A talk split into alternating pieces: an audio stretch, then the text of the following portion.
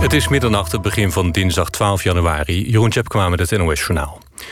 Zorgorganisaties laten veel meer medewerkers inenten... dan volgens de regels van het kabinet mag. Dat blijkt uit onderzoek van Nieuwsuur. Het gaat om bijvoorbeeld kantoor- of restaurantpersoneel.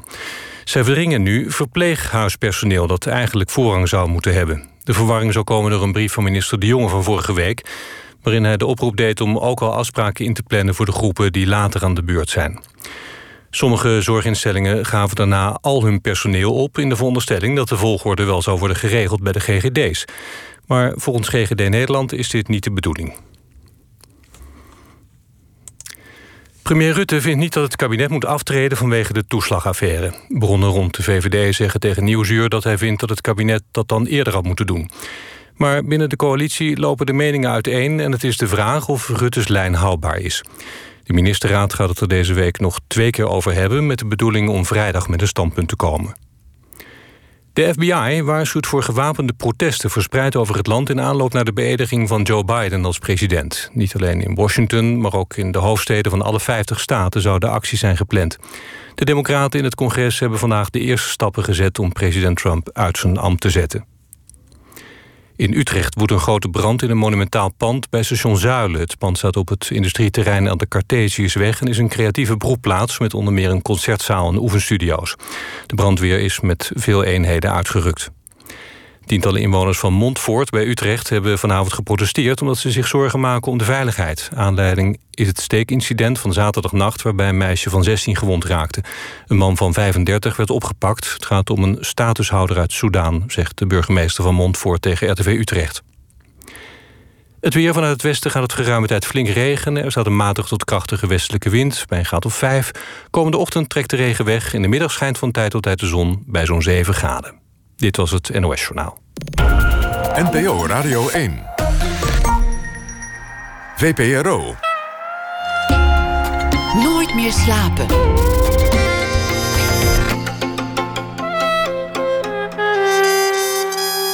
Met Pieter van der Wielen. Goedenacht en welkom bij Nooit meer slapen. Verwacht geen croissants en koffie, geen Franse obers, geen Beaujolais primeur bij de Sacré-Cœur, geen verliefde stellen flanerend aan de scène. Bart Koetsier is hier, een Nederlandse straatfotograaf, woonachtig in Parijs. Misschien wel de meest gefotografeerde stad ter wereld.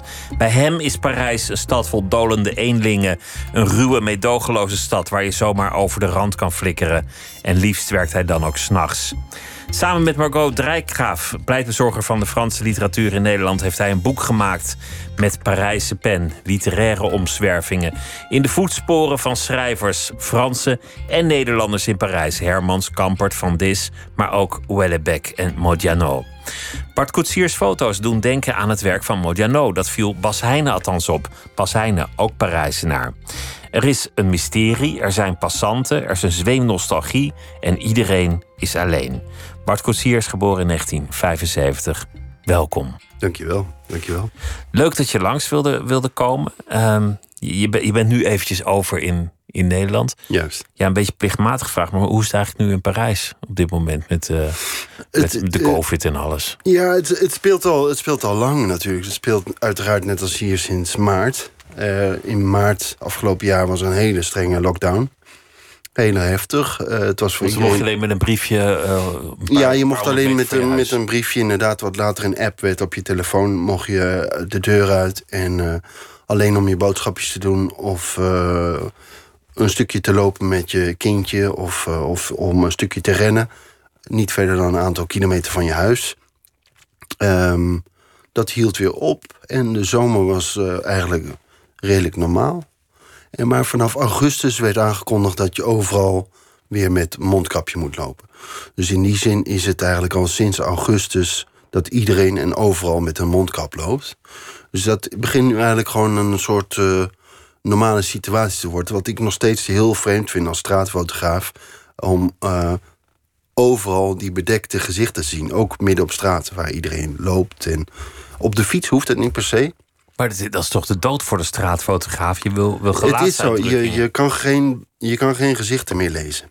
Um, en ik zie vaak eigenlijk alleen nog maar boze ogen boven die lapjes. Uh, op een of andere manier. Mensen zijn geïrriteerd. Mensen... Of lijken mensen geïrriteerd omdat je de bond niet ziet? Ja, dat zou kunnen. Dat zou kunnen. je ziet natuurlijk altijd hoe je je voelt, eh, als het ware. Met, met je ogen kan je natuurlijk ook moeilijker liegen. Een glimlach kan je opzetten, maar probeer dat maar eens met je ogen. Ja, ja, ja. Ja, ja het klopt. Maar mensen zijn geïrriteerd door de situatie. En uh, zal de economische situatie ook bij toedragen natuurlijk. Maar uh, mensen zijn snappy, weet je wel, zijn agressief. Net als hier. En, uh, ik weet niet hoe het hier is, dat zou ik aan jou moeten vragen. Maar nou, ik heb ook wel de indruk dat mensen boven hun mondkapje een beetje kwaaier kijken. Ja, ja, ja. En, en ik las dat het prikken in Frankrijk ook uh, tergend langzaam gaat. Ja, ja, ja. Ja, ik, ik kan je daar weinig over vertellen. Ik, uh, ik hoor het wel her en der, maar ik, ik zit er niet met mijn neus bovenop. Uh, ik heb mijn dagelijkse realiteit en ben vooral veel met mijn zoon bezig, een tweejarig zoontje. En die mag gelukkig weer naar de crash nu. Uh, dus dat, dat scheelt een hoop. Dat is een groot verschil met de eerste lockdown die we hadden. En, uh, maar het is wel een verschil. Want hier op straat in Nederland zie je mensen niet met die lapjes lopen. Hè? En in, op straat dat, hoeft het hier niet. Nee, en dat is in, in Parijs dus sinds augustus wel. Overal, ook op straat, zie je, die, zie je mensen met lapjes lopen. Dat is verplicht. Um, dat is best wel heftig.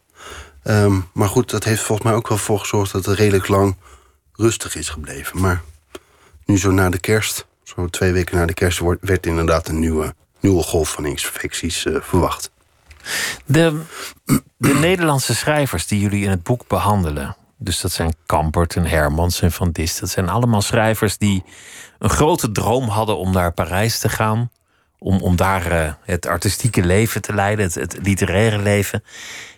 En dat is, dat is wel aardig aan de verhalen over, over die schrijvers. Bij allemaal op een eigen manier lukt het ook weer niet. Ze vinden geen aansluiting. Hermans die verschanst zich achter zijn voordeur. die ziet alleen maar gevaar in de wereld. En die krijgt ook een literaire moordaanslag te verduren in Parijs. Ja. Onvoorstelbaar achteraf. Kampert die, die blijft eigenlijk vooral in kringen van andere Nederlanders hangen. Ja. En Van Dis loopt eenzaam door de stad. Ja. Dat, dat vindt hij heerlijk volgens mij. Maar vond ook niet echt aansluiting met, met Parijs. Ja, van, van, van Dis weet ik dat niet zeker. Ik weet, ik heb hem ooit al eens een keer gezien bij eh, Maison de la Poésie in Parijs. En daar waren wel een aantal dames die hem heel hartelijk begroeten. Waardoor ik het wel het idee kreeg dat hij wel degelijk... eh, Dat hij het naar zijn zin had. hoor. dat hij naar zijn zin had en dat hij daar mensen kende. Hoe is dat met jou? Heb, heb jij het idee dat je wortel hebt geschoten in Parijs? Gek genoeg, nu na 6,5 jaar begint dat gevoel een beetje te komen. Het heeft Ehm, lang geduurd. Heeft heel lang geduurd, ja. En dat is denk ik ook deels mijn eigen schuld. Ehm, omdat ik eigenlijk vanaf het moment dat ik in Parijs arriveerde... ik ontmoette een Française in Amsterdam. En eigenlijk, dat was in juli. In februari verhuisden we naar Parijs. Dus dat was binnen, binnen ongeveer een half jaar tijd... eh, besloten we Amsterdam te verlaten en naar Parijs te verhuizen. Maar voor mijn gevoel was Parijs altijd een, eh, een tussenstadium. Ik heb het nooit gezien als van... oké, ik ben nu hier en nu gaan we hier iets opbouwen. Of nu gaan we hier iets, eh, iets, iets opzetten, zeg maar. Dat gevoel heb ik nooit gehad. En ik begon met taalkursussen en dergelijke. En dat, eh, ja, dat, daar ben ik niet voor in de wieg gelegd. Dat soort... eh, Je bent een visueel iemand. om in klasjes te zitten en te studeren en dat soort dingen. Ehm, ik mag graag lezen en dat soort dingen, maar studeren is nooit voor mij, werkelijk voor mij weggelegd. Eh, ondanks dat ik vele pogingen heb gewaagd in mijn, in, eh, mijn studententijd. Ehm, hoe het voor mij is in Parijs. ehm, nou, ik verhuisde van Amsterdam naar Parijs. In Amsterdam had ik eh, redelijk goede zaken. Ik werkte voornamelijk als portretfotograaf. Althans, daar verdiende ik mijn geld mee. En daarnaast ehm, fotografeerde ik s'nachts op straat. Mm, verhuisde naar Parijs en ik had ergens een soort... Het, ging, het verging me misschien te goed. Want ik had het idee, ik verhuis naar Parijs... en dat werk verhuist al mee. Ehm, en dat was een hele harde realiteit, want dat werk dat verhuisde absoluut niet mee. Eh, dus ik moest eigenlijk ik moest volledig opnieuw beginnen. Eh, in zekere zin. Ik had, wel, ik had wel het geluk dat ik aansluiting had weten te vinden bij de Volkskrant. eh, zodat ik af en toe met de correspondent in Parijs van de Volkskrant op pad kon dingetjes doen. Maar toch nog Nederland is dat. In En tot op de dag van vandaag zijn vrijwel al mijn opdrachtgevers Nederland, eh, Nederlandse opdrachtgevers. Of de Nederlandse ambassade in Parijs, dat is een grote opdrachtgever. Ehm, Maar eigenlijk nu, nu dit boek uit is, via via kwam het bij een heel mooi magazine in Parijs, fotomagazine in Parijs terecht. Uh, die hebben ook een galerie. En nu, overmorgen, opent een fysieke expositie van mijn werk in Parijs in die galerie.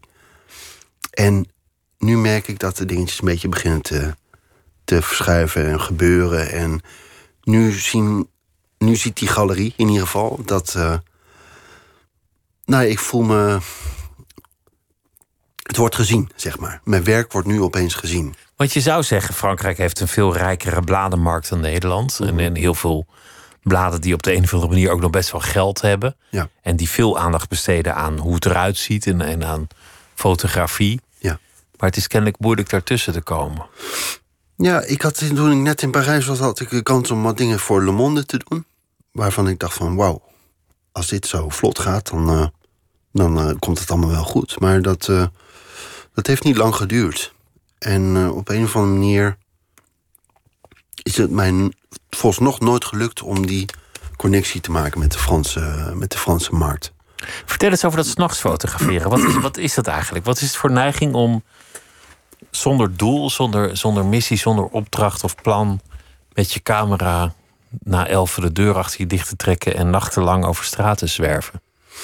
Ja, wat het is. Het is iets eigenaardigs. Het is iets... Uh, het is iets wat zo gegroeid is. Ik, uh, ik heb heel lang in de horeca in Amsterdam gewerkt. Dat begon in een uh, hotel waar veel jongeren kwamen... en waar het eigenlijk altijd... ja, niet zozeer feest was, maar wel een soort ja, het grote feest van het leven en het grote drinken en dergelijke. En mm, daar heb ik poos gewerkt en daarna in, in cafés in Amsterdam. Dat was ik, werkte, ik werkte dus altijd s'nachts. Dat heeft iets van 15 jaar geduurd. En um, op een gegeven moment. Um, op een gegeven moment kreeg ik een camera van mijn broer en. Um, de avonden dat ik niet werkte, ging ik met die, was die camera een soort excuus. Een extra excuus om naar buiten te gaan en dingen te fotograferen. Dus die wandelingen die ik anders ook al maakte op de avonden dat ik niet werkte, uh, ging ik nu op pad met mijn camera. En daarmee ontdekte ik een hele een nieuwe wereld, als het ware. Weet je wel, uh, in het begin waren het een soort film noir-achtige foto's die ik maakte van schaduwen van bomen en dat soort dingen. En langzaam maar zeker ontdekte ik. Uh, was het een uitdaging? Of eh, op een gegeven moment had ik een foto van een hele mooie vrouw in een witte jurk. die over langs de, ergens langs de grachten liep. En ik had die foto gemaakt en ik zag het terug op het negatief. En ik was er echt door gegrepen. Ik dacht. Wauw, dit is te gek, dit wil ik meer. En zo langzaam maar zeker met die foto van die vrouw kom ik steeds dichter bij mensen, steeds dichter. Tot op het moment nu, wat je ook in het boek kan zien, dat het eigenlijk niet zozeer echt de klassieke straatfoto's zijn, maar het zijn eigenlijk meer nachtportretten. Dat, je, je, komt dicht bij mensen en, en ik ga me meteen afvragen waar die mensen vandaan komen en wat er daarna van ze geworden zal zijn en op welk punt in hun leven je ze eigenlijk hebt getroffen. En wat ze s'nachts op straat doen natuurlijk. Ja. Maar het, het is niet makkelijk, vermoed ik, om, om zomaar s'nachts naar iemand toe te gaan. En niet naar alle mensen die je hebt gefotografeerd en zeggen: Mag je even een plaatje schieten? Ja, ik vraag het inderdaad uh, vrijwel nooit aan mensen. Je doet het. Ik doe het. En, en dat gaat goed. Ik denk dat ik een niet heel bedreigende persoon ben. Ik denk dat mensen wel zien dat ik een redelijk zachtaardig persoon ben en geen kwade wil uh, in me heb. Of dat ik, geen, dat ik ze niks wil aandoen. En dat mensen dat soort van tolereren. Of dat ze dat. Uh, ja. Of ze zijn er niet mee bezig. Of ze zijn niet meer nee. schelen. Ja. ja, dat zou kunnen. Maar wie die mensen zijn, dat weet ik ook niet. Het is ook een soort. Uh, ja, het is geen voyeurisme, maar het is ergens toch als een soort van straathond ergens aan willen snuffelen en daar, dat moment grijpen in een foto en dan weer door. En dan weer verder de nacht in. En, Waarom gebeurt dat s'nachts? Waarom, waarom gebeurt het overdag niet? Nou, ik heb, ja, wat ik je net vertelde, ik heb lang in die nacht gewerkt. En ik denk dat het in zekere zin ook een soort vlucht is geweest van mij om de dagelijkse sleetsheid te ontwijken en te ontvluchten. Um, ik weet wel dat ik in die jaren inderdaad werkelijk zo dacht dat het De normale mensen die de dag bevolken, dat, dat ik daar helemaal niets mee had. Ik had niets met die mensen. Dat was de samenleving. En s'nachts daar kon je eraan ontsnappen of zoiets. Ja, juist, ja. ja. Dat was een. Uh, dat was heel duidelijk een soort van onderhuidse drijfveer die ik had, inderdaad. Van, ik had niks met dat. Ik had niks met wat er overdag gebeurde. Het was niet mijn realiteit. Was dat angst? Ja, dat was misschien wel angst. En je zou het zo kunnen zien in zekere zin dat ik. Uh, ik heb. Uh, ik probeerde te studeren naar mijn middelbare school. En dat begon met bos- natuurbeheer. Daarna biologie in Amsterdam. Uh, dat waren mislukkingen op mislukking. En, en ja, ik denk dat vanuit uh, mijn omgeving wel een soort van verwachting was. Ik had broers die goed konden studeren, vrienden die goed konden studeren. En er was al een soort verwachting voor mijn gevoel om, om daaraan tegemoet te komen. En dat deed ik niet. Ik was alleen maar heel hard van me af aan het trappen, in zekere zin. om mijn eigen vrijheid te bevechten. En uh, ik denk inderdaad dat die nacht een vlucht voor mij was. Ja. ja. Een vlucht voor het falen, voor het, voor het mislukken. Het vlucht, ja, het vlucht van dat, maar ergens ook, maar ergens ook uh, de herkenning vinden in die andere mensen die die nacht bevolken, zeg maar. En die mensen, en denk, als ware dat je, je verre vrienden zijn of je, je, je lotgenoot of iets Een verwantschap, maar je, je fotografeert in dit boek in Parijs. Ja, dat zijn voor een deel wel zwervers en, en, en daklozen en clochards. Ja. Dat, nou, ik heb heel lang. Uh, ik, heb, ik, ik heb ook in die beginjaren dat ik met die nachtfotografie bezig was, ook heel vaak het gevoel gehad, inderdaad. Dat als een clochard, op momenten dat een clochard naar mij toe kwam, dat ik altijd dacht, maar dat ben ik. Dat ben ik over een paar jaar. Ik was er eigenlijk heilig van overtuigd dat ik zo zou eindigen. Dat lijkt me geen, uh, geen fijn vooruitzicht.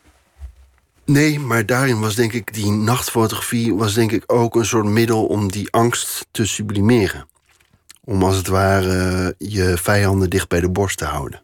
Of je grootste angst dicht bij de borst te houden. Om de angst dat je over de rand zou flikkeren, dat de samenleving je helemaal zou verstoten en dat je op een matrasje zou eindigen. Ja. Om die tegemoet te treden in plaats van er van weg te rennen. Ja. Maar waarom had je die angst eigenlijk? Waarom dacht je dat? Nou, ik denk wel dat ik uh, redelijk afstands leven leidde. Ik leefde zelf niet, al, ik leefde niet als een. Nou ja, misschien in de ogen van anderen. En misschien was dat heel erg die blik van de ander. Uh, waardoor ik naar mezelf keek, zeg maar. De bril van anderen waardoor ik naar mezelf keek. En tegelijkertijd dat ook steeds meer van me af liet glijden en, en realiseerde dat wat ik aan het doen was, dat ik daar wel degelijk goed in was. En uh, uh, dat ik steeds meer groeide in die rol, zeg maar, die ik mezelf had toebedeeld of die ik voor mezelf had ontdekt, zeg maar. Dan wordt het op een zeker punt ongemakkelijk. Dan hang jij in een mooie Parijse galerie en je hebt een boek uit met foto's van clochards. Ja. Terwijl het thema voor jouzelf eigenlijk jezelf is. Het gaat over jou. En daarna trek je de deur weer achter je dicht. Ga je lekker onder de wol in een warm bed waar de kachel het doet. En zij liggen nog steeds in een portiek. Ja, ja dat daar, daar, daar zit iets. Ja, ik weet niet hoe, hoe ik het moet zeggen. Ik wil er ook niet te hard over oordelen, want ik vind het ook wel poëtisch. Maar ergens is het egocentrisch. Um, ja, dat heb ik inderdaad eerder gehoord. Maar ik denk dat. Um, kijk, als je ik denk niet dat ik. Kijk, dat ik nu in een galerie hang, dat, dat klinkt natuurlijk heel mooi. Dat is heel mooi. Maar dat is ook heel mooi. Maar dat het in een galerie hangt, wil niet zeggen dat ik daar rijk van word of dat, dat ik daar veel geld mee verdien. Mijn foto's zullen. Ik, ik weet vrijwel zeker dat mijn foto's nooit goed zullen verkopen. Het zijn namelijk niet het soort foto's wat je thuis aan de muur wil hangen. Het is niet dat je bij een vriend thuis eh, binnenkomt lopen en dat je zegt: hé, hey, wat hangt daar voor een mooie foto? Wat is dat? Ja, dat is een zwerver die ligt te kamperen uh, op de stoep, ergens nachts. Dat soort foto's hangen mensen niet aan de muur. Waarom het dan wel in de galerie hangt, dat moet je niet aan mij vragen. Blijkbaar zien mensen daar toch wel iets in. Maar ik denk dat zo is de. Zo is de fotografie, denk ik. De geëngageerde fotografie is nou eenmaal zo, denk ik. Het is nou eenmaal Alle zo. fotografie dat, is zo dat, natuurlijk. Ook de nieuwsfotograaf Die, die, komt even langs en maakt een kiekje. Ja, maar het is nou eenmaal. De, de, de wereld is misschien zo opgedeeld. En misschien is het heel vervelend om zo te zeggen. van de mensen die lijden. en de mensen die daar oog voor hebben. en die dat aan de, andere, en de rest van de wereld willen laten zien. die daar misschien liever hun, hun ogen voor sluiten of iets dergelijks. En dat is toch eigenlijk gewoon een beetje de, de basis van documentaire fotografie. of geëngageerde fotografie, denk ik. Het verschil is misschien dat het de nacht is. En, en in de nacht zijn we allemaal passanten. We, passeren elkaar. Ja. En, en in die zin ben je ook wel gelijk aan de zwerver. Ook al heb jij een bed en een kachel ergens. Op dat moment heel even maakt dat niet uit. Ja. Omdat het een, een, een, een korte passage is. Je, je doet ook niet voor alsof je heel geëngageerd met die mensen bent. Alsof je, alsof je hun leed wil laten zien. Of iets vraagt van het publiek. Of een misstand wil aankaarten. Nee. Dat, dat, zijn niet de foto's. Nee de vergelijking, ik, ik, hoorde dat die van Bas Heijnen kwam met, met het werk van de schrijver Modiano. Die, die is mooi gezien. Ja. Ja, ik vond het heel mooi inderdaad. Dat, uh, Margot Dijkgraaf zegt dat ook in een passage in een boek. Zij ziet, zij ziet dat op eenzelfde manier. Dat inderdaad de. de het zijn eigenlijk uh, allemaal verloren zielen. Die dwalen door die stad. En, en uh, daar ben ik er ook een van, zeg maar. Uh, die vergelijking met Modiano vind ik heel mooi, inderdaad. Want in zijn boeken is het, is het altijd zoeken naar een geschiedenis van mensen. Of de sporen die mensen hebben achtergelaten. En het is ergens ook altijd een soort uh, onhandigheid tussen mensen. De mensen die elkaar ontmoeten in een hotelkamer of in een hotelbar. En het is. Het, zijn, er is altijd een hotelkamer. Eigenlijk heeft die man oneindig vaak hetzelfde boek geschreven. Ja. Ik, hou wel van zijn stijl. Het speelt meestal in Parijs, soms elders in Frankrijk. Er is meestal een ontmoeting ergens in het verleden. Hij herinnert zich iemand. Ja. Hij heeft dan plekken en straten die herinneren aan iemand die hij nooit echt heeft leren kennen. Dus een soort mysterie. Zijn mensen wel wie ze zeggen dat ze zijn? Waar gingen ze eigenlijk naartoe? Wat zou er van geworden zijn? Ja. Casino's komen er ook vaak in voor. Valse namen, dat soort dingen. Ja, ja, ja. Het en dan, is ergens een soort uh, anonimiteit in het verdwijnen, in het dwalen, in het zoeken. Het zijn ook altijd adressen. Het zijn ook altijd straten. En je uh, zult mensen nooit helemaal leren kennen. Dat is iets wat in zijn werk altijd terugkomt. Ja, ja, ja. En dat herken ik ook inderdaad. In, uh, in, in mijn verlangen die mensen te fotograferen. Daar zit, daar zit niet in dat ik die mensen. dat ik een gesprek aanga. Of dat ik dat ik de geschiedenis van die mensen wil weten. Maar het is ergens. Het is wat ik net zei, als een hond eraan snuffelen en dan weer verder. Uh, het is heel even kennis nemen van. Of misschien is het ook dat ik mensen wil laten zien dat ik, dat ik ze zie. Of dat ik oog voor ze heb. Of. of um, ja. Je krijgt dan een ander beeld van, van de stad Parijs. Je hebt natuurlijk de beroemde straatfotografen, Lily Ronis en zo.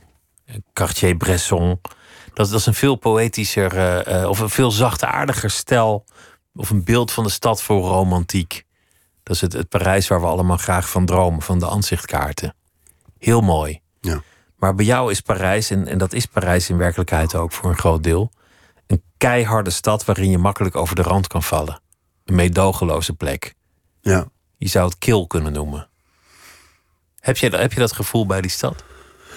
Ja, ja heel duidelijk. Ja.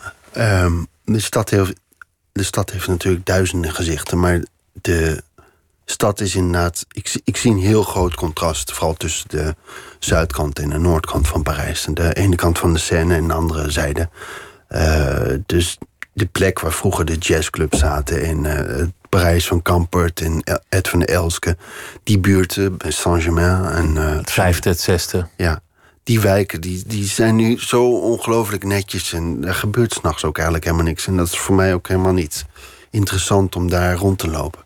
Um, de andere kant van Parijs, de noordkant van Montmartre... in het 19e, 20e, midden noordkant, noordoostkant... Dat zijn, dat zijn echt andere wijken. En, en dat zijn wijken die op een of andere manier op mij, op mij overkomen als heel authentiek. Het is een Parijs.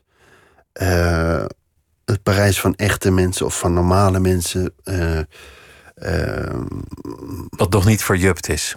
Ja, niet verjupt. En op een of andere manier komt dat op mij over als. Ik, en daar voel ik me een soort van thuis, denk ik. Het voelt, het voelt heel echt als het echte leven. En dat, is, dat zie je zo aan de andere zijde van Parijs. Dat voelt dat niet echt voor mij. Dat voelt als een soort vreemde rijke luisbubbel waar ik helemaal niks, uh, waar ik me niet thuis voel. En uh, wat heel comfortabel is natuurlijk om je daar te begeven. En je weet in ieder geval zeker dat je niet uh, beroofd zal worden, of de kans in ieder geval aanmerkelijk lager is. Uh, ja, ik, ik voel me daar toch blijkbaar thuis aan die, aan die andere kant. En dat is een kant die inderdaad zich in beeld in nogal harde foto's uh, vertaalt, inderdaad. Je hebt, je hebt veel meer zwervers in Parijs dan in Amsterdam. Je kan veel makkelijker dakloos worden. Er zijn minder voorzieningen. En mensen lijken het ook wel best te vinden. Er is, er is toch een soort gemak in het voorbijlopen aan de ander. Ja, en dat is, dat is iets wat je. wat echt een klap in je gezicht is als je net aankomt in Parijs. En dat je. Je ziet de mensen die op straat leven en die aan bedelen zijn. En je wil ze in het begin allemaal iets geven. En je, je, ik verbaas me gigantisch over al die mensen die er min of meer overheen stappen. Of, uh, of, of de straal voorbij lopen. En die mensen die op straat liggen of liggen te creperen, ze niet eens aankijken, zeg maar. En dat is, uh, dat is ook een aspect wat terugkomt in, in, ons boek uh, met De Pont. Weet je, hoe, hoe de hoofd, hoofd, hoofdpersoon, platenbaas, dakloos wordt en op straat belandt. En dat verhaal wordt verteld vanuit dat perspectief ook inderdaad, weet je wel. En de, de pest van de, van de zwerver die, uh, die niet aangekeken wordt, weet je wel. En die... En uh, ja, dat is natuurlijk verschrikkelijk. En dat moet natuurlijk ook iets verschrikkelijks zijn voor de psyche van een persoon, weet je. Dat je altijd die verhouding hebt van naar boven kijken, het bedelen, het genegeerd worden, het... Uh, ja, dat is verschrikkelijk. En dat, dat trof me heel erg toen ik net aankwam in Parijs, inderdaad, een aantal jaar geleden. En op een gegeven moment merk je dat, je, dat het probleem zo alom is, zo enorm is. Dat er ook in jezelf een soort uh, blaséheid. Uh, je stond toch af daarin? Ja, je stond toch af, inderdaad. En het enige wat ik mezelf voortdurend vertel is van. Ik geef af en toe iemand wat geld. Ik weet niet waarom het dan die persoon is, maar dat voelt nou eenmaal zo. En al die andere mensen probeer ik aan te kijken en gewoon goeiedag te zeggen. Om in ieder geval toch, toch, te, toch de menselijkheid erin te de houden. De naïviteit te hebben dat dat iets betekent, weet je wel. Je hebt uh, uh, muziek meegebracht van uh, Jeroen Willems, die een liedje van Brel uitvoert mm -hmm. In het Nederlands. En dat, dat heet De Namen van Parijs. Laten we daar naar luisteren.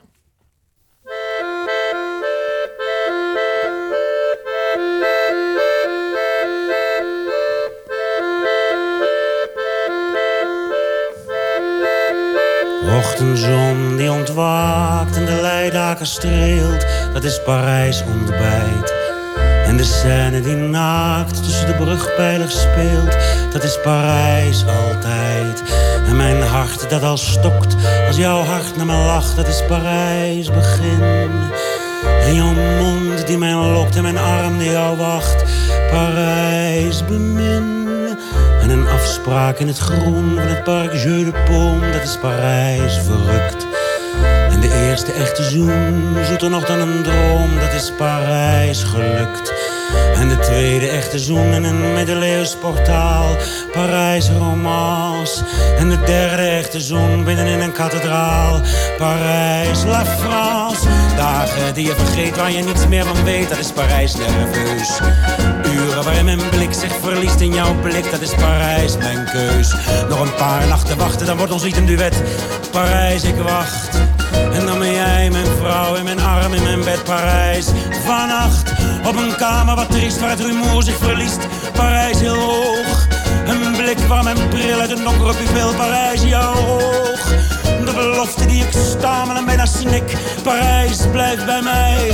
Weten dat morgen dan net als nu worden kan. Parijs, eindelijk vrij. Maar het eind van het lied en het eind van de reis, dat is Parijs heel grauw.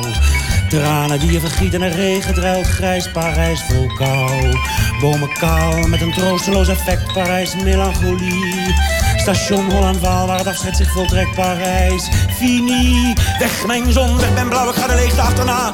Parijs verdriet, maar een briefje van jou en een briefje van ja. Parijs verschiet, landschappen naar mijn lachende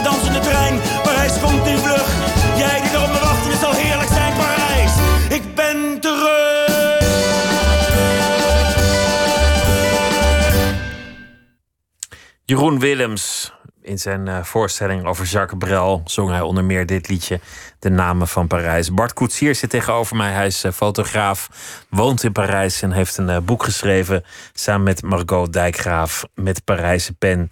In de voetsporen van schrijvers lopen ze door Parijs. De routes na en de foto's en de verhalen. En de literaire beschouwingen die wisselen elkaar af. Je, je had het over dat je aan de ene kant je verwant voelt aan de, de mensen in de nacht en de, de passanten die je tegenkomt. En tegelijk ook probeert om jouw angsten tegemoet te treden. Ja. En toen had je het over je, je, broers die allemaal heel goed konden leren en heel succesvol waren.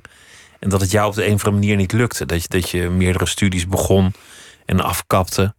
Ook, ook een beetje merkwaardige studies eigenlijk, landbouwkunde of, of, of, of dat soort dingen. Bos natuurbeheer. Bos ja. ja, prima studie natuurlijk, maar je, je, lijkt me een stadsmens. Uh, dat ben ik geworden, ja. Ja, dat ben ik heel duidelijk geworden.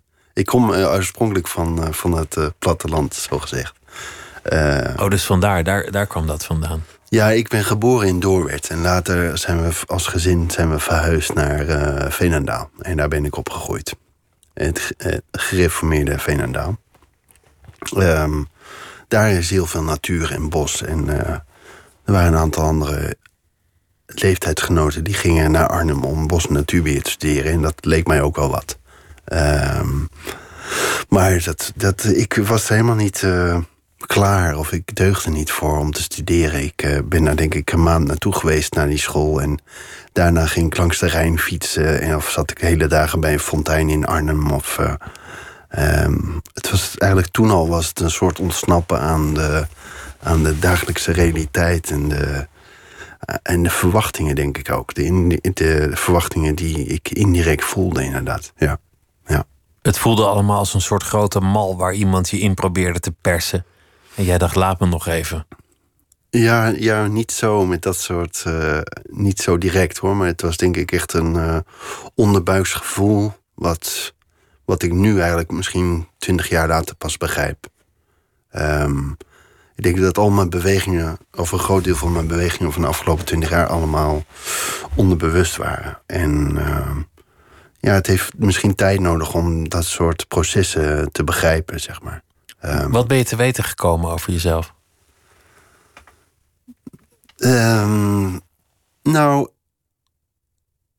wat ik te weten ben gekomen over mezelf is, denk ik dat ik. Uh, dat er een aantal dingen in mijn leven zijn gebeurd. Uh, binnen de familie. Uh, die hele grote indruk op mij hebben gemaakt. en mij vol hebben gestampt met angst. Angst om gek te worden. Angst om over het randje te vallen uh, denk angst om er om nooit in de mal van de samenleving te passen. Want zat, zat er gekte in je familie? Nou, mijn. Ja, ik, ik weet niet of ik er tot op detail op wil ingaan, maar mijn oudste broer was een briljante jongen die al op hele jonge leeftijd aan het promoveren was als chemisch technoloog. En hij werd ogenschijnlijk van de een op de andere dag werd, raakte hij psychotisch en schizofreen. En dat was op een redelijk jonge leeftijd. En dat was. Ik was zes jaar jonger dan hij. En uh, ik kon dat op die leeftijd niet bevatten. Ik kon, daar, ik kon daar niks mee. En ondanks dat je je broer ontzettend lief hebt en uh, je daartoe wil verhouden of hem wil sterken, overheerste, denk ik in mijn geval, de angst dat mij hetzelfde zou gebeuren.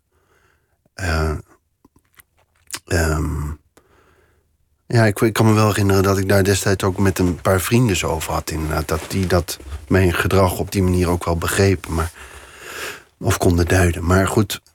Um, je had dat bij hem gezien, je briljante broer kon gek worden. Als het hem kon gebeuren, dan kon het jou wellicht ook zomaar gebeuren. Nou ja, dat was uh, de angst natuurlijk. Dat was de, dat was de vrees. Dat was de vrees. En uh, Mijn weg om daarmee om te gaan was ehm, me heel hard te verliezen in ehm, hele andere dingen. In, eh, in drank, in eh, de nacht, in, eh, in een totaal ander leven. Allemaal dingen die je waarschijnlijk ook een stap dichter bij de gekte brengen. Ja, ja, maar. Ja, en hoe dat in elkaar steekt, dat weet ik niet. Want ik eh, heb daar. ben daar nooit met een psycholoog of wat dan ook mee bezig geweest. Maar hoe ik daar nu tegenaan kijk, is denk ik dat ik het heb willen opzoeken. Die andere kant van de maatschappij. Of me daar een soort van thuis voelde. Of, of thuis ben gaan voelen, zeg maar. Of verwantschap voelde via je broer. Nee, ik denk niet dat ik door voor dat leven te kiezen ook maar ooit de illusie heb gehad dat ik dichter bij hem zou komen. Want dat was, net, dat was tegelijkertijd de, de grote pijn dat ik mezelf. dat ik eigenlijk alleen maar bezig was mezelf te verliezen. Of om er niet geconfronteerd te hoeven worden met die grote pijn. En uh, daar eigenlijk gewoon heel hard voor weg. En, en tegelijkertijd heeft dat ook altijd in mijn systeem gezeten. Inderdaad, dat ik ook altijd heb gedacht, maar hoe kan ik nou ooit iets doen dat ik iets voor hem kan betekenen? Of dat ik dichter bij hem kan komen, zeg maar.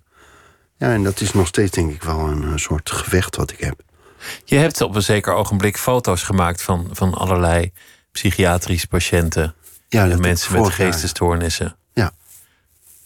Uh, vorig jaar januari heb ik voor het UMC heb ik twintig uh, portretten mogen maken van onder andere psychiatrische patiënten, psychiatrische patiënten en hun behandelaars.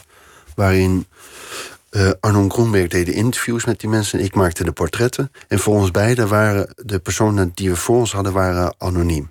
Dus wij wisten niet, beide niet wie de patiënt was en wie de behandelaar was. Soms kun je daar, voel je dat wel aan, maar in sommige gevallen ook totaal niet, zeg maar. Waren er echt gevallen waarbij je dacht, wie, wie van de twee is nou de oneerbiedig gezegd de gek en wie is de psych? Ja, ja, ja. ja. Ik had wel uh, in, uh, in, denk vier of vijf van de gevallen, van de twintig, had ik inderdaad geen idee. En, en dat maakte ook in wezen niet uit. Want uh, het, verandert, het verandert ook niet, niets aan hoe je iemand benadert voor een portret. Althans, niet voor mij. Maar, en, en dat was denk ik wel goed voor met die opzet, hoe, hoe het project is opgezet door het UMC, dat uh, zowel Groenberg als ik allebei niet op voorhand beïnvloed zouden zijn uh, in hoe we dat, die ontmoeting aan zouden gaan, zeg maar. Je treedt ze objectief tegemoet, omdat je, dat je toch niet weet wat ja, ze zijn. Ja, ja, ja. Ja, en dat heeft, dat, dat heeft heel goed gewerkt. En dat zijn, zijn mooie, mooie foto's geworden. Uh, en ik ben daar ook heel dankbaar voor dat ik dat project heb mogen doen. Omdat dat nou juist voor mijn gevoel iets is geweest waardoor ik iets dichter, uh, iets, voor mijn gevoel iets voor mijn broer heb kunnen doen, in zekere zin. Of, Indirect was dat misschien wel een hommage aan je broer. Ja, ja, ja, absoluut. Hoewel hij er niet tussen zat, maar zijn, zijn vriendin zat er wel tussen. En zijn vriendin is ook psychiatrische patiënt. Uh, ze wonen allebei in een, in een woonwijk in Almere. In een gewone woonwijk waarin ze een klein uh, cluster huizen hebben gemaakt voor psychiatrische patiënten die op zichzelf kunnen leven en wonen. Voor zichzelf kunnen zorgen. En uh, hij, heeft nooit een vriendin gehad tot het moment dat hij daarin verhuisde, zeg maar. Dus eerst die leidensweg van zijn behandeling in ziekenhuizen en opnames en dergelijke. Gesloten afdelingen. En op een gegeven moment ging het goed genoeg met hem dat hij daar terecht kon. En een huisje voor zichzelf had. En daar trof hij voor het eerst van zijn leven uh, zijn vriendin, met wie hij nu nog steeds is. En uh, dat is eigenlijk een heel mooi verhaal, of een hele mooie geschiedenis. Dat hij toch geluk heeft gevonden in, in dat ja. moeilijke bestaan. Ja, ja, ja. Is trouwens ook de, de snelste weg als je het hebt over de zelfkant van de samenleving of, of het zwerven, om daar terecht te komen. Ik heb vaak de indruk dat daklozen toch voor een heel groot deel met psychische problemen te maken hebben of hebben gehad. Ja, ja, ja. En ik geloof ook wel dat dat onder de huidige regeringen die we de afgelopen decennium hebben gehad, dat dat inderdaad wel een groeiend probleem is in Nederland. Maar dat is denk ik toch misschien weer een andere discussie of een andere. Ja, ik, ik weet daar niet het fijne van om, om daar werkelijk een statement over te maken. Maar ik heb hetzelfde gevoel inderdaad. Dat een groot, heel groot deel van de mensen die op straat belanden, ook in Nederland, uh, waar het een goede groeiend probleem schijnt te zijn, uh, dat dat voor een groot deel psychiatrische patiënten zijn, ja. Is, is bij jou de angst verdwenen? Die, die angst waar je het over had, de angst er buiten te vallen, de angst verstoten te worden of, of, al dat soort dingen? Ja, dat, dat, is, dat, uh, ja, dat is ergens wel verdwenen. En dat, uh, ik ben vader geworden twee jaar geleden. En dat was ergens ook het eindpunt van mijn nachtfotografie. Uh, het, had, het had misschien samengekund, maar ik had besloten dat het na tien jaar de nacht fotograferen in uh, verschillende Europese steden, dat het na tien jaar wel genoeg was. Um, ik kreeg een zoon in Parijs. En uh, ik had het gevoel, ik moet, daar, uh, ik moet er voor hem zijn. Ik wil er voor hem zijn. En uh, nou, ik vond het wel genoeg geweest met die nacht. Voor het moment. Nu, 2,5 jaar, 2,5 jaar later, begint het weer te kriebelen. Maar je hebt in dit boek ook de dag gefotografeerd. En dan, dan doe je de dag nog in zwart-wit. Ja. Alsof je toch ergens de nacht mist. Ja, dat is wel in kleur en dan, dan overdag zwart-wit fotografie. Ja, maar dat heeft er ook mee te maken wat ik je net zei, inderdaad, met het. Uh, de, de dag in kleur fotograferen is te, is te banaal. Uh, het is te alledaags, het is te, te sleets. Uh, ik, heb die, ik heb die abstractie nodig. En voor mij is het zwart-wit is, is zwart, een, een zwart-wit foto is een abstractie in zichzelf. Zeg maar. Uh, dus dat heb ik nodig met als ik de dag fotografeer. Uh, voor de dag gebruik ik ook een andere camera als, een, als die ik s'nachts gebruik. En de nacht, de nacht uh, is op zichzelf al een abstractie ook. Die zich heel goed in kleur laat fotograferen. Dat is grappig, want de dag wordt altijd geprezen om de mooie kleuren. En dan vooral de ochtend. Ja. Al die mooie kleuren in de ochtend. En de nacht wordt altijd gezien als iets kleurloos. Ja. Grijs en duister. Maar, maar jij vindt eigenlijk de kleuren in de nacht mooier. De kleuren in de nacht zijn extreem uitgesproken. En die zijn ook heel, denk ik, ook heel romantisch. En, en uh, ja, ik heb dat boek van uh, Elschot, Het Dwaallicht, heb ik altijd uh, heel erg mooi gevonden. En ook die term, die uitdrukking, het dwaallicht. Ik denk toch dat ik eerst van binnen een hopeloze romanticus ben die op zoek is naar dat soort mooie lichtjes. En uh, ja, en je ziet het denk ik ook al in vertaald in mijn nachtfoto's. Die zijn heel kleurrijk en uh, ja, die zijn voor het boek ook wel lastig geweest om te printen. En, uh, maar goed, ik vind, dat, ik vind dat waanzinnig mooi. Het is, het is nog zo dat mensen eerder hun masker laten vallen. Overdag zijn mensen vaak in functie of in hun rol of op weg naar hun rol of komen terug van, van hun alter ego dat werk heet. Ja. In, in de nacht heb je dat veel minder aan de hand. Nou, ik denk dat zeker. Ik denk dat. Uh, kijk, overdag worden, we, overdag worden we allemaal geleefd. Weet je wel? We, staan allemaal bloot aan de verwachtingen van de maatschappij. We moeten presteren. Onze cv's moeten in orde zijn. En. Uh, um, en nacht is daarin eigenlijk een soort van oase van anonimiteit. Jij noemt het net de maskers laten vallen. En ja, zo zou je dat kunnen zien, inderdaad. Maar het is misschien ook een soort van. Uh, mensen daarin ergens nog een soort van vrijheid. en een hele bevrijdende anonimiteit kunnen vinden. Uh, waarin ze misschien al die, die verwachtingen van zich af kunnen laten glijden. En misschien daarin in een wilde gekte kunnen vinden in de nacht die misschien bijzonder bevrijdend zou kunnen werken.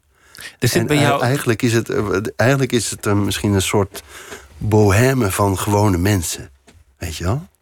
Snap je wat ik bedoel? Het zwervende bestaan even. Het, het ja, ommetje. Het, ja, of ja, ik zou niet weten of het een nachtelijke ommetje is, maar uh, ja, zo ben ik dat toch wel een beetje gaan zien. Ja. Maar bij jou zit er angst en verlangen tegelijk.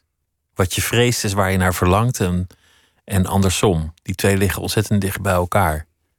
Ja. Je durft er niet naar te kijken, je bent ertoe aangetrokken.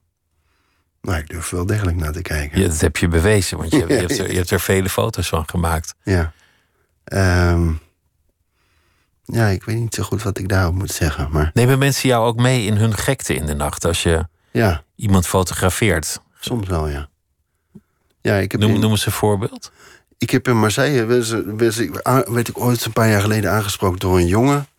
Die zei van, hey, ik heb een beetje vreemd voorstel, maar uh, wil je voor mij in een, uh, een plastic zak pissen? En ik moest heel hard lachen en ik zei, nee, je bent gek, hoezo? En die jongen liep weg. Toen dacht ik, ja, maar denk nou eens na, dat was een fantastische kans om misschien een hele vreemde foto te maken. Of misschien dat die ontmoeting ergens toe zou leiden. Die jongen was alweer weg en hij zat in een auto, had zijn auto geparkeerd. En ik zag hem daar weer aan de overkant van de straat een paar minuten later. Toen zei hij, hey, weet je het zeker? Eh, toen zei ik, nou ja. Dus ik liep naar hem toe. Ik zei, ja, ik wil het op zich wel voor je doen, maar dan moet jij hetzelfde doen en dan fotografeer ik dat. Weet je wel? Dus dan zaten we daar midden in de nacht, drie uur s'nachts in de wijk van Marseille, die ik helemaal niet kende. Uh, stond ik daar te onderhandelen met die jongen over hoe we dat zouden doen en wie eerst en hoe en wat. En uh, uiteindelijk kwam het eruit dat ik als eerste uh, in die zak voor de jongen zou gaan plassen. Om wat voor reden dan ook. Maar, en uh, hij zei van ja, maar ik wil het wel zien en zo. Dus ik zei, ja, ben je gek, weet je wel. Dus ik ging ergens om een hoek staan in die zak plassen voor die jongen. En na tien seconden stond hij weer naast me en zei hij ja, het duurt allemaal veel te lang en ja, het schiet niet op zo. En, en die foto van jou gaat niet door, flikker maar op, weet je wel. En ik heb dat niet vaak, maar ik flipte helemaal de pan uit. En begon tegen die kerel te schreeuwen van... Uh, van ja, wat, wat, uh, wat bezielt je, weet je wel? Ik sta hier in een wijk, ik weet niet eens waar ik ben. Hier sta ik voor jou in de zak te pissen... en dan heb ik nog niet eens een foto, weet je wel? En uh, nou ja, goed, hij, hij, hij, was, zoals ik zei... ook was hij uit zijn auto gestapt en had een kistje met groenten. Waarschijnlijk eerder op de dag gekocht, had hij bij zich. En Uiteindelijk liet hij zich wel fotograferen met zijn gezicht maskerend achter die doos met groenten. Dus het is een hele vreemde foto van een jongen in een leren jek, een zwarte spijkerbroek, die met een kistje groenten voor zijn hoofd uh, zich laat fotograferen. Heel bizar. Het is, misschien, het is misschien niet mijn beste foto ooit, maar het is wel een. Eh, een, een eh, Je moet wat voor een foto over hebben. Dan, dan is er toch een soort nieuwsgierigheid gewekt van. Waar ben ik? Wie, wie, wie is die man? Waarom? Wil ja. hij dit? Ja. Wat is dat voor verlangen? En misschien dat ik toen iets meer op het, of op het, op het effect zat. Of op, op de, het effect wat het zou hebben op de fotografie. En ik denk dat het misschien toch zo de laatste jaren meer een soort... Uh, toch meer beschouwend karakter heeft gekregen, mijn fotografie. En dat je zo gedurende tien jaar nachtfotografie... dat je ook verschillende periodes ziet van jezelf. Weet je wel? Dat er een periode is geweest dat ik wilde dat alles bewogen was. Weet je? Dat het eigenlijk een soort. Uh, dat eigenlijk alles een soort van. Uh, een soort. Uh, verwilderde. gekte werd of zo. Weet je? Alles bewogen, alles vervormd. Een, een grote distortie, weet je wel. En, en nu is het met, met dit boek wat conceptueler eigenlijk in voetsporen van schrijvers. Het heeft nu echt een verhaal, een thema. Nou, het is in die zin gekaderd. Ja, dat is ergens gaandeweg ook mijn les geweest. Uh, die, ik heb die ik heb geleerd. Inderdaad, ik. Uh, we hadden net eerder eventjes over, over Bas Heijnen. En ik, ik heb ooit een, een, een. Kijk, ik had die tien jaar nacht fotografie en ik dacht, ik moet dit afmaken. Dus uh, ik ben gaan denken en gaan schrijven met, uh, met een, een, dame in Amsterdam, met Hedy van Erp, curator. En zij heeft me geholpen om een plan te schrijven om een verhaal over Europa, Europese steden bij nacht. Voorstel geschreven, ingediend bij het Mondriaan Fonds. En dat werd met de grond gelijk gemaakt. Dat de Mondriaan Fonds zei, uw werk... in vlammen neergeschoten. Ja, ja goed. Dat. Uh, grote teleurstelling natuurlijk. En ik heb dat ooit aan Bas Heijnen laten lezen in Parijs. En die zei, ja, dat klopt ook wel, weet je wel. Het, is, het vliegt alle kanten op. En, maar uiteindelijk was zijn advies inderdaad om... Uh, kijk, hij zei, als ik naar je foto's kijk, dan begrijp ik het wel. Want dan zie ik Modiano en dan zie ik die dwalende geest... en daar ben jij er ook een van. Maar als je dat aan de meeste mensen laat zien, die begrijpen dat niet. Die weten niet waar ze naar kijken. En dat is, dat is iets wat ik heel veel vaker terug heb gekregen van mensen. Van ja, je maakt die foto's s'nachts en je, het is dit en dat... en die persoon en die gek en die gek... Weet je, maar waar kijken we nou werkelijk naar? Weet je wel? En ik zei altijd, ja, je kijkt naar mij, want dit is gewoon mijn leven. Dit is mijn leven van de afgelopen tien jaar. Maar dat is niet genoeg. Het is een soort. Het, het was niet genoeg. Je kan niet van mensen verwachten dat ze, als je dat zo presenteert, dat ze het begrijpen. En zijn advies was om het toch ergens op een of andere manier toch te, te conceptualiseren. Of, of meer een, een draadje, een, een draadje eromheen te spannen, waardoor het allemaal samenkomt, als het ware. En dat inderdaad een soort conceptueel draadje. En daarin. Um, dat was ongeveer ook het moment dat ik vader werd. En dat ik had bedacht dat die nachtfotografie misschien eigenlijk wel zo ten einde zou lopen. En dat ik er wel even klaar mee zou zijn. En toen liep ik tegen een gedicht van Remco Kampert aan. Uh, denk het naar Jacques Prévert en Joseph Cosma. En, en dat is een prachtig gedicht. Ik heb een CD waarin hij thuis liggen, waarin hij die gedicht allemaal zelf voorleest met die mooie oude stem, die mooie bromende stem. En uh, ik luister heel graag, maar dit gedicht is waanzinnig mooi. En het beschrijft een geschiedenis van een, een liefdestel. En ze lopen van Nord, pakken ze de bus naar Belleville. En dan lopen ze over Père Lachaise, Rue Pyrénées, richting Bastille. En het beschrijft die route. En daarmee dacht ik, ja, maar weet je, ik, ik heb al die straatfotografie van de nacht. Maar laat ik het nu gewoon overdag doen. dit, is geen briljant idee. Maar laat ik het overdag doen. En laat ik gewoon die route volgen. Die Kampert hier zo beschrijft. En uh, dan is dat mijn conceptuele kader. En binnen dat kader kan ik fotograferen wat ik wil. En zo was eigenlijk het idee, het idee geboren voor dit boek. En toen kwam je Margot tegen, die, die al eerder uh, in de voetsporen van Franse schrijvers is getreden in, in haar vorige boek. Juist, ja. En toen ging ze naar Bretagne en Lotering en al dat soort verre oorden. En uh, daarin troffen wij elkaar. We spraken af in Parijs en dronken een kop koffie. En daar is toen de, de grondslag gelegd voor dit boek in onze samenwerking. Wat, uh, wat volgens mij een heel mooi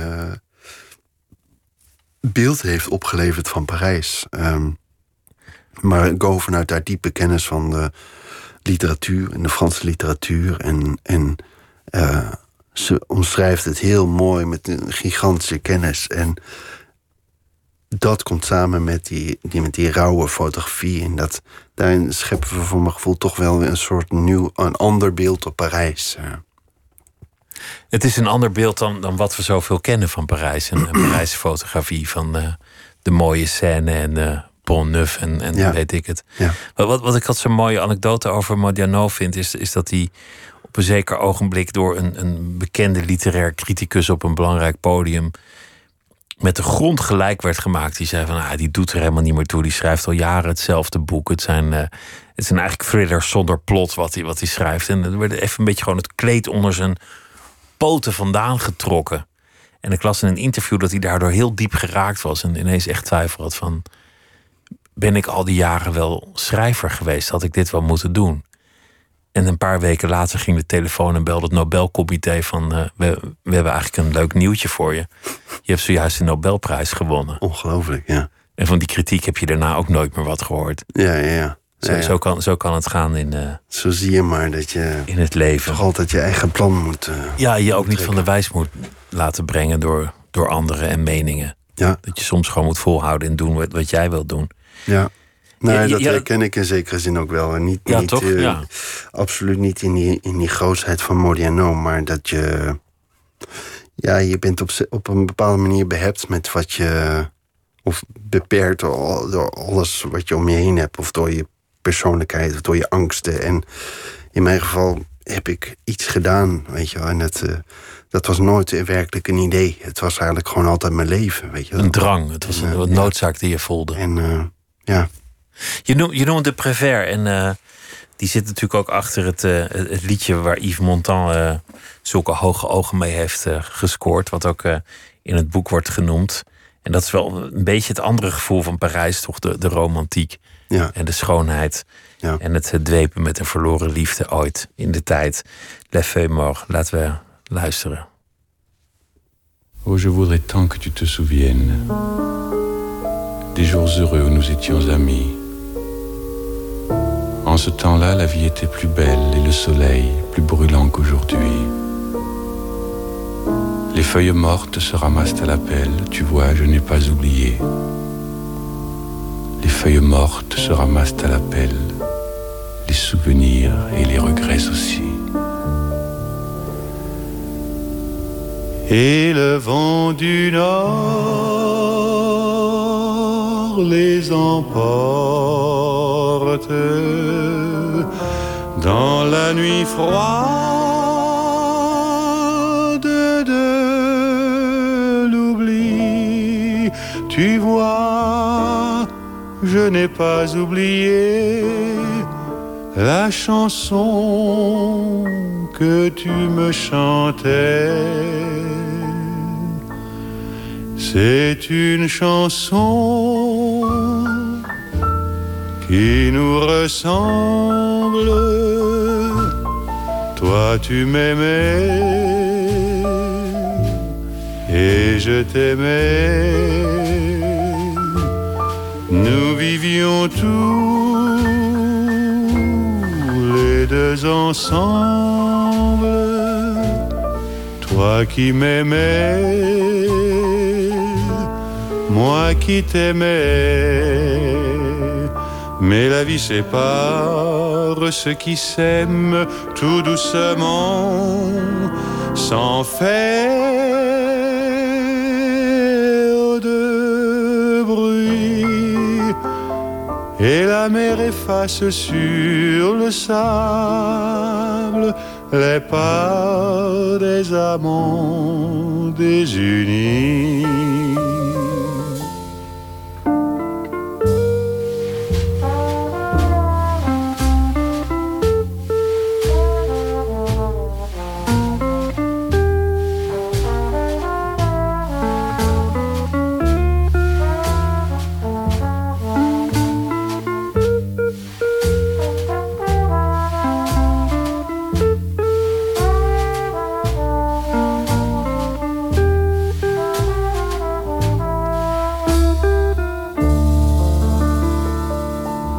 Vie sépare ceux qui s'aiment tout doucement, sans faire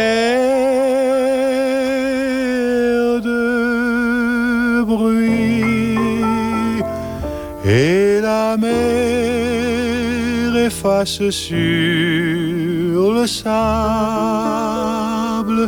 les pas des amants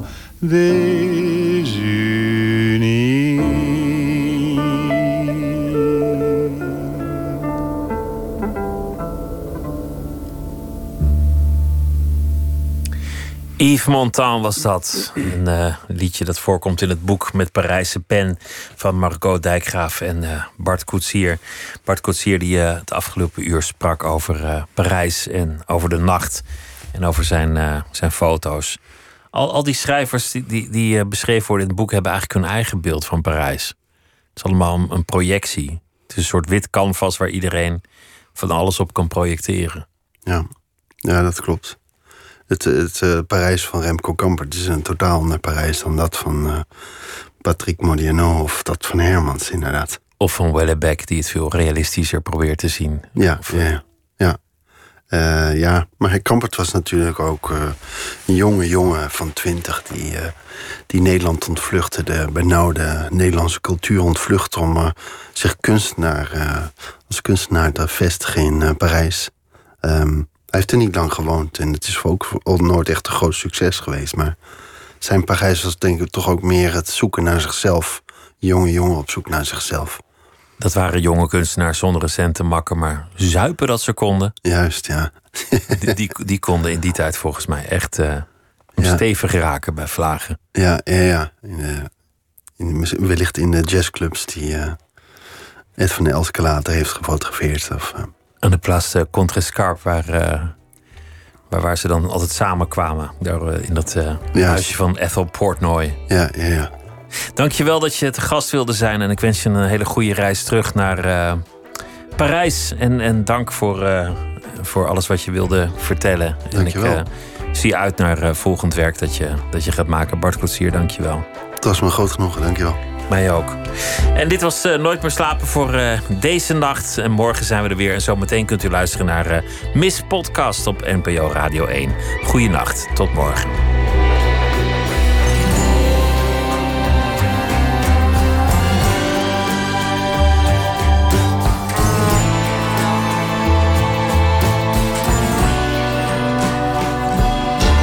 Op Radio 1. Het nieuws van alle kanten.